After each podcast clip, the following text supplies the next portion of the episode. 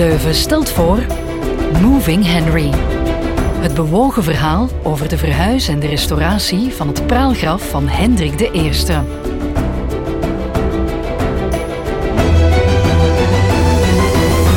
Aflevering 1. Drie verrassingen. Het is maandagmorgen in Leuven. De stad waar ik in een ondertussen ver verleden Germaanse filologie heb gestudeerd. Maar vanaf vandaag ga ik mij onderdompelen in een nog veel verder verleden. En daarom heb ik nu afgesproken in de Sint-Pieterskerk.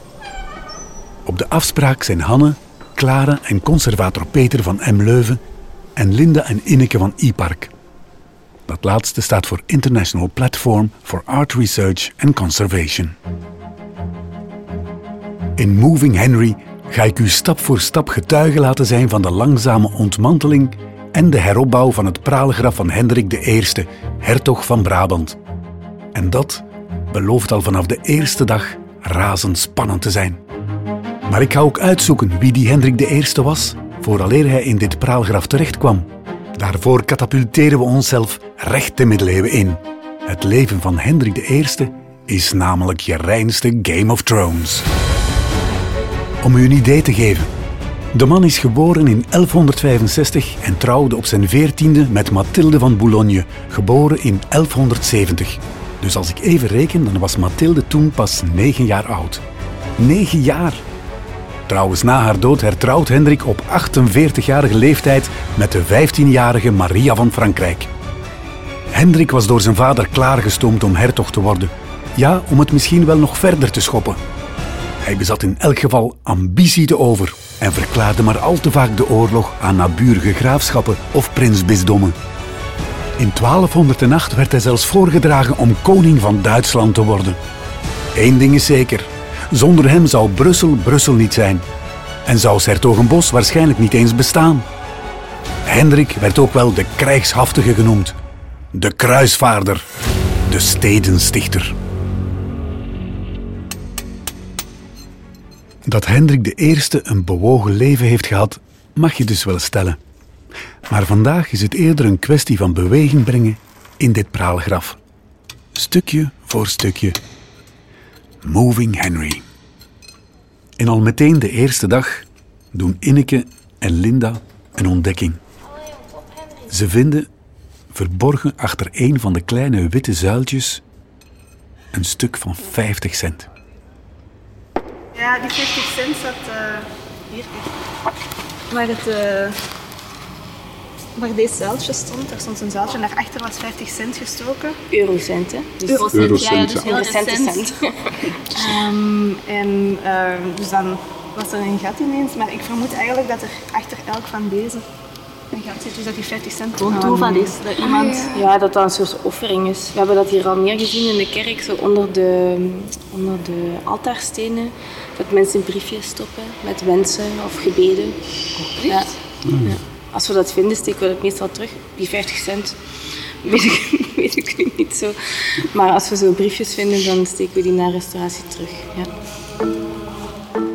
Misschien is dit wel een goed moment om toch even uit te leggen hoe het praalgraf eruit ziet. Of beter gezegd, hoe het eruit zag. Want Linda en Inneke hebben het praalgraf al gedeeltelijk ontmanteld. Op de deksteen staat in halfrelief de levensgrote beeldenis van Hendrik I. Rondom hem staat een Latijnse tekst. Maar aangezien Latijn Latijn voor ons is, vragen we aan Clara van M. Leuven om de tekst even te vertalen. De Latijnse tekst op zijn grafmonument wilden geloven, toonbeeld van goede zeden, spiegel van gerechtigheid, vergelder van het kwade, bloem van het land, vrede van de kerk. Nog een aantal Oeh ja. Kwestie van uzelf in de markt te zetten. Bloem van het land. Dat is een mooie. Bloem van het land. Mm Ik ga ook mijn kaartje zetten. Die deksteen die rust op 16 ronde witte zuilen, die elk nog eens rusten op evenveel kleinere, maar bredere, vierkante en zwarte zuilen. Die witte zuiltjes die zijn uit uh, een, een, zachtere... Dat is een zachte kalksteen. Kalksteen. Ja. Ik, welke weet ik niet precies, hebben we nog niet onderzocht. Um, maar waarschijnlijk een Franse kalksteen. allee, dat, is- Ja. dat is meestal niet zo verrassend. Dat is, dat is gebruikelijk, want die, eh, die onderkant was van... De, de onderste zone is eh, marmer van uh, Noir de Mazie. En de bovenste, de deksteen, is een Doornikse steen. Ja. Mazie. Is dat Belgisch? Ligt Ja. dat ergens in Wallonië? Ja, dat wordt zelfs nog ontgonnen in de groeven in Nerbreus Primo. Maar dus dat is gebruikelijk dat je eigenlijk zachte kalksteen gaat gebruiken met toch marmer Ja. en, en, en Ja, want je, marmer is een... ehm, ja, ik, het verschil tussen de Doornikse en de marmer hier is niet zo relevant, ehm, denk ik. Ze hebben de zwarte marmer gebruikt omdat die goed aansluit bij de Doornikse steen, omdat die even zwart is. Ehm, en dan dat, het, eh, dat de zuiltjes in een witte kalksteen worden uitgevoerd, is voor het contrast ook. Hè. Dus dat je witte zuiltjes hebt tegenover een zwarte steen.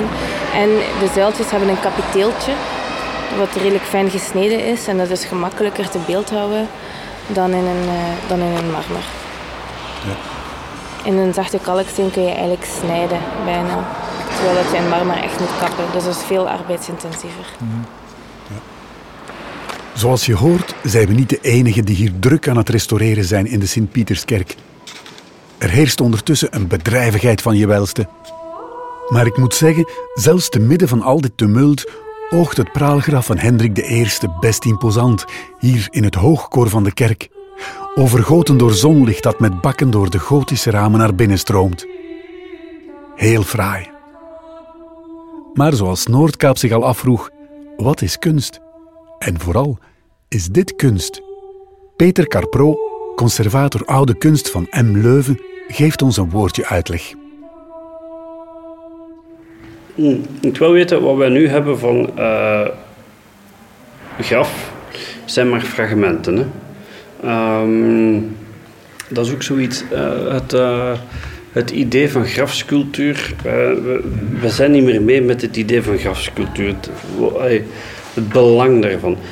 Als wij tegenwoordig sterven, we worden zelfs niet meer begraven, we worden soms eh, uitgestrooid op een strooiweide.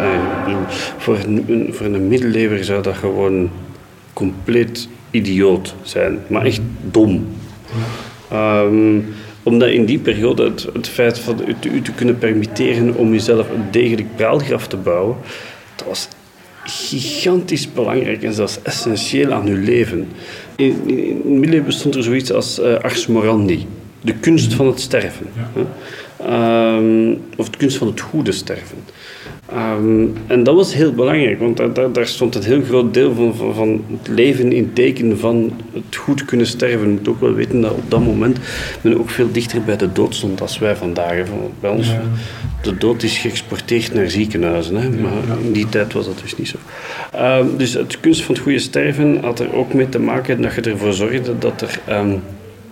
voor je zielenheil werd gebeden voor uw dood, maar liefst ook nog zo lange tijd mogelijk na uw dood. En hoe kon je dat doen? Door uzelf een degelijk grafmonument te bouwen.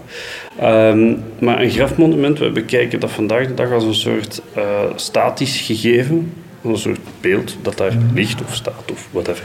Maar zo mocht je dat absoluut niet zien in die periode. In die periode was dat echt een, een, dat was een event, een graf. De kunst van het sterven en de kunst van de grafsculptuur was onwaarschijnlijk belangrijk, omdat men ervan uitging dat ehm, zolang dat er gebeden werden gezegd voor het zielenheil van de overledene, dat dat ja, voordelig was voor dat, de, de effectief de ziel van een overledene in, in de hemel. We kennen allemaal nog het zinnetje hebben olla vogela nestas hagunan. Wel, afgezien van dat kleine fantasietje dat een jonge monnik neerkrabbelde om zijn nieuwe pen te proberen, was kunst in de middeleeuwen voornamelijk religieus. En die ars morandi was daar een deel van. Trouwens, zoveel middeleeuwse praalgraven zijn er in West-Europa niet meer over. Des te meer redenen om goed zorg te dragen voor dat van Hendrik en hem te verhuizen naar een betere plek, waar hij uit kunstconservatorisch oogpunt in elk geval veiliger zal liggen. Ja, Hendrik nodigt uit om je vingers op te zetten. Ja, ja, ja, maar te gaan tegen. Voilà, en als hij in het midden staat, dan is dat zo... Je merkt, dat- je ziet dat ook aan die steen. Hè. Het is, er er zijn al redelijk veel eh, vingers op geweest. Ehm, dus het is eigenlijk beter dat hem Ja. Je ziet het ook bij de moeder en de dochter. Hè. De arm van de, de moeder en het gezicht van de moeder is ook... weg. Ja, Ja. dat is Ja. altijd over Ja. te, te aaien. Ja.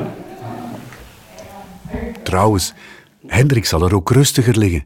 Aan de zijkant, recht tegenover zijn eerste vrouw Mathilde en zijn dochter Margaretha. Gericht op het oosten. Mocht hij ooit nog wakker worden, dan is het eerste wat hij ziet de opkomende zon. Een van de grootste stappen, zo niet de grootste stap, die straks gezet zal worden om Hendrik van het midden naar de rechterzijbeuk te verhuizen, is die enorme dekplaat van het praalgraf Tille. Terwijl Linda de twee katrollen is gaan halen die ze daarvoor straks nodig zullen hebben, gaat Inneke geduldig verder met de vierkante zuiltjes los te maken van hun voeten. Ze worden niet allemaal weggehaald, zodat de zijkant van het praalgraf voldoende zijwaartse steun blijft behouden. Ehm, ik klop nu heel zachtjes tegen de zuiltjes eh, aan de onderzijde, aan het basement. Ehm, om hem zo zachtjes mogelijk los te kloppen. ehm, om de voeg los te maken. En dan gaan we proberen met, ehm, met een spietje naar achter te geraken om hem langzaam naar voren te schuiven. Ja, dat, is hier, dat is hier ook een voeg daar. En, Ja, dat is het voegje, ja. ja, en daar ga je. ja, ja. Dus daar gaan we ook nog achter, ehm, met een spietje naar achter proberen te geraken. En het is belangrijk dat we langs de onderzijde ook eh, naar voren trekken, want anders gaat die kantelen en ga je waarschijnlijk schade hebben. Ja. Eh, maar ik zie hier al bijvoorbeeld dat hier een oude is geweest. Dus het is al een, een zuiltje dat eerder schade heeft Ja. gehad. Of het is een, eh, hier al een zwakke plek. Maar we proberen natuurlijk goede oude restauraties zoveel mogelijk te behouden. Bij het wegnemen van zo'n zuiltje wordt meteen weer een ontdekking gedaan. Verrassing nummer 2. Nu het zuiltje weg is, komt er namelijk een opening vrij, waardoor we nu al een blik kunnen werpen in het graf. We schijnen met onze gsm en zien een doos, een, een metalen kistje eigenlijk, met daarop twee glazen buizen. Die liggen daar zo gewoon op. Ja. Ongeveer de grootte van kleine neonbuizen, maar dan doorzichtig. Wauw. En in die buizen twee documenten, opgerold. Twee processen verbaal.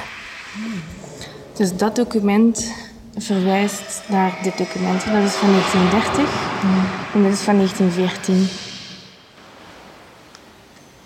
Het is wel bijzonder om dat vast te houden. Ja, hè? ja. Ja, Dat is zo helemaal verzegeld. dat is helemaal verzegeld, ja. Zodat het document ehm, niet vergaat of opgegeten wordt door insecten. Nu zouden wij dat doen met eh, zuurvrij papier en dan in een, in een eh, varde hè, die daar tegen kan, maar toen werd het zo gedaan. Goed. Dus eh, ja, we zitten hier in het, het voorplaatsje van de sacristie. Met die glazen kokers die jij gevonden hebt. Ga je eens voorlezen wat daarop staat? Ik zal proberen. Procesverbaal van de overbrenging der gebeente van Hendrik II, hertog van Lotharingen en Brabant uit de voormalige abdijkerk van Villers-la-Ville naar de Sint-Pieterskerk te Leuven. Dan staat eronder Luinens procesverbaal, gedagtekend van 21 maart 1930 en in verzegelde glazen buis in dit graf geborgen, werden in de maand maart 1930 de geraamte van de hertogen van Brabant, Godfried II, Godfried III en Hendrik I na anatomische vereenzelviging door hoogleraar Dr. Nelis in deze grafsteden bijgezet. En de rest kunnen we niet lezen, aangezien de buis verzegeld is. Ja. Van een verrassing gesproken. Eigenlijk verwachten Linda en Inneke helemaal niets aan te treffen in die tombe. Zo gaat het in elk geval gewoonlijk. De overblijfselen zijn meestal al lang verplaatst naar elders, als ze nog te vinden zijn. In dit geval wordt verondersteld dat de beenderen van Hendrik in de crypte liggen, onder de kerk. Maar nu blijkt dat dit praalgraf toch de beenderen bevat van Hendrik I. En niet alleen dat, ook die van zijn zoon Hendrik II. En van zijn grootvader en vader, Godfried II en Godfried III. Godfried. Als we de naam uitspreken, denken we meteen aan kruisvaarten. We kennen natuurlijk allemaal Godfried van Bouillon. Maar ook Hendriks vader was een kruisvarende Godfried. En niet alleen hij, ook zijn zoon, onze Hendrik I van Brabant, werd niet voor niks de krijgshaftige genoemd. In 1190 neemt hij deel aan de zogenaamde Duitse kruistocht naar het Heilige Land. Het leger, dat bestaat uit voornamelijk Duitse bisschoppen, graven en hertogen, roepen hem op een bepaald moment zelfs uit tot bevelhebber.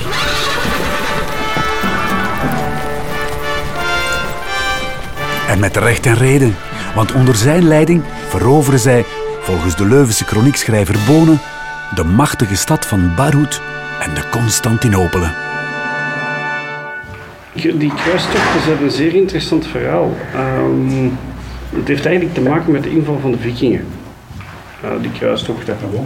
Um, dus, dus gaat die vikingen die eraan kwamen. En dus men had nood aan, aan, aan krijgers om die vikingen af te wennen. Oké, dat is goed, hè? Dat, dat gaat een tijdje door. En die krijgers en die vikingen houden elkaar goed bezig, totdat die vikingen zoiets hadden van het is goed geweest. En dat viking-imperium, want je moet dat echt bekijken als een imperium, um, en dat droogt wat op. En die worden, dat, dat, zijn katholieken, christenen geworden, dus die gaan geen, geen dingen meer aanvallen. Maar die, in, in Europa liepen het nu wel vol met krijgers. Mhm. En dus uh, een van de theorieën is, is dat uh, uh, het project de, de, kruisvaarders ook geboren was om Europa te ontdoen van rondtrekkende krijgerbendes die niks meer om handen hadden. Dus vandaar dat de paus zoiets had van we gaan een of ander compleet absurd project lanceren. Um, we, we, gaan naar een plek dat eigenlijk ons niks kan schelen. zijn ver weg in het. En we gaan daar al ons overschot aan, aan, aan de krijgers naartoe sturen, zodat ze onze lokale bevolking niet meer terroriseren. Dat is één van de theorieën. Uh, ik vind dat geen onzinnige theorie, want om te zeggen dat nu plotseling iemand het in zijn hoofd gaat krijgen om Jeruzalem te veroveren, waar het totaal geen machtspositie voor Europa zat, dat lijkt mij redelijk irrationeel. Dus, uh, Hendrik zal Jeruzalem echter niet bereiken. Na de dood van zijn vader verkiest hij namelijk om terug te keren naar zijn hertogelijke macht. Ondertussen is Linda met de katrollen aangekomen en wordt het tijd om de portaalkraan op te zetten. Zo'n kraan bestaat uit twee zijsteunen op wielen, verbonden door een balk, waarop de twee verrijdbare katrollen worden geschoven.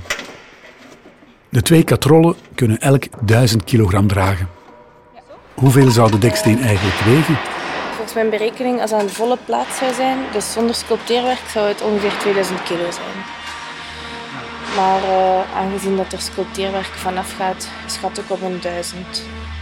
Ja. ja. Want eigenlijk, ik heb het hoogste, het hoogste niveau genomen. Hè. Ah ja, zo. En dan met de dichtheid van de steen de berekening gemaakt van oké, okay, het moet zoveel wegen. Maar... Ah ja, dat er een pak af. Ja.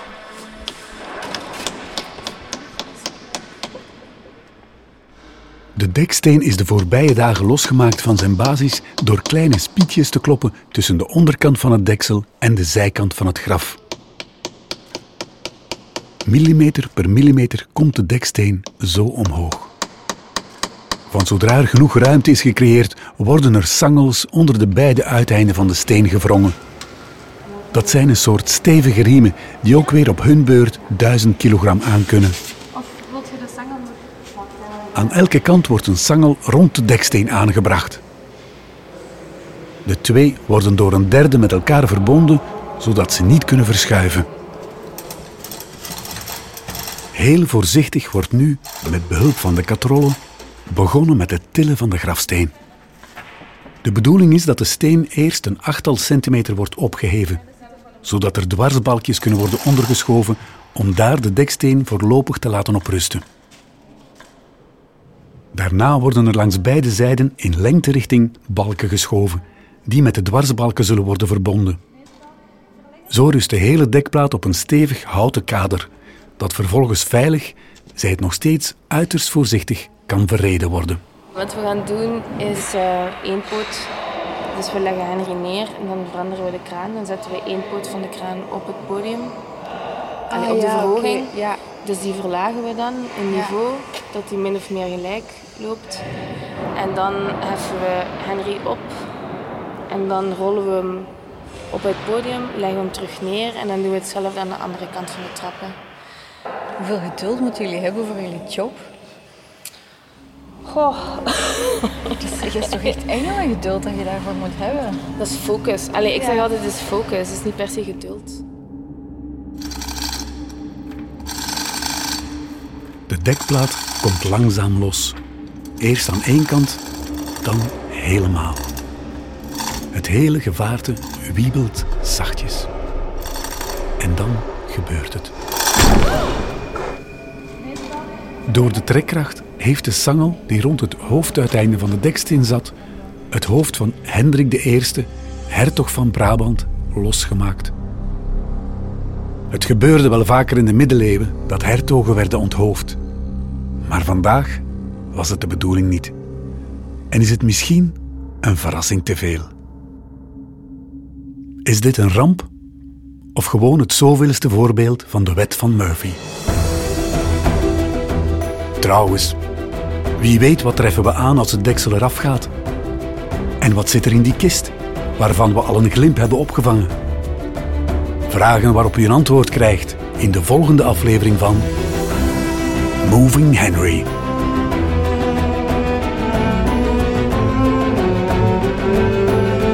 Moving Henry is een podcast van M. Leuven. Geproduceerd door Sonhouse, geschreven en verteld door Patrick Dooms. Stemregie Thierry van Durmen. Montage en mix Pierre-Etienne Bonnet en Mathieu Savenet. Met de steun van het Fonds Bayella Tour van de Koning Boudewijn Stichting.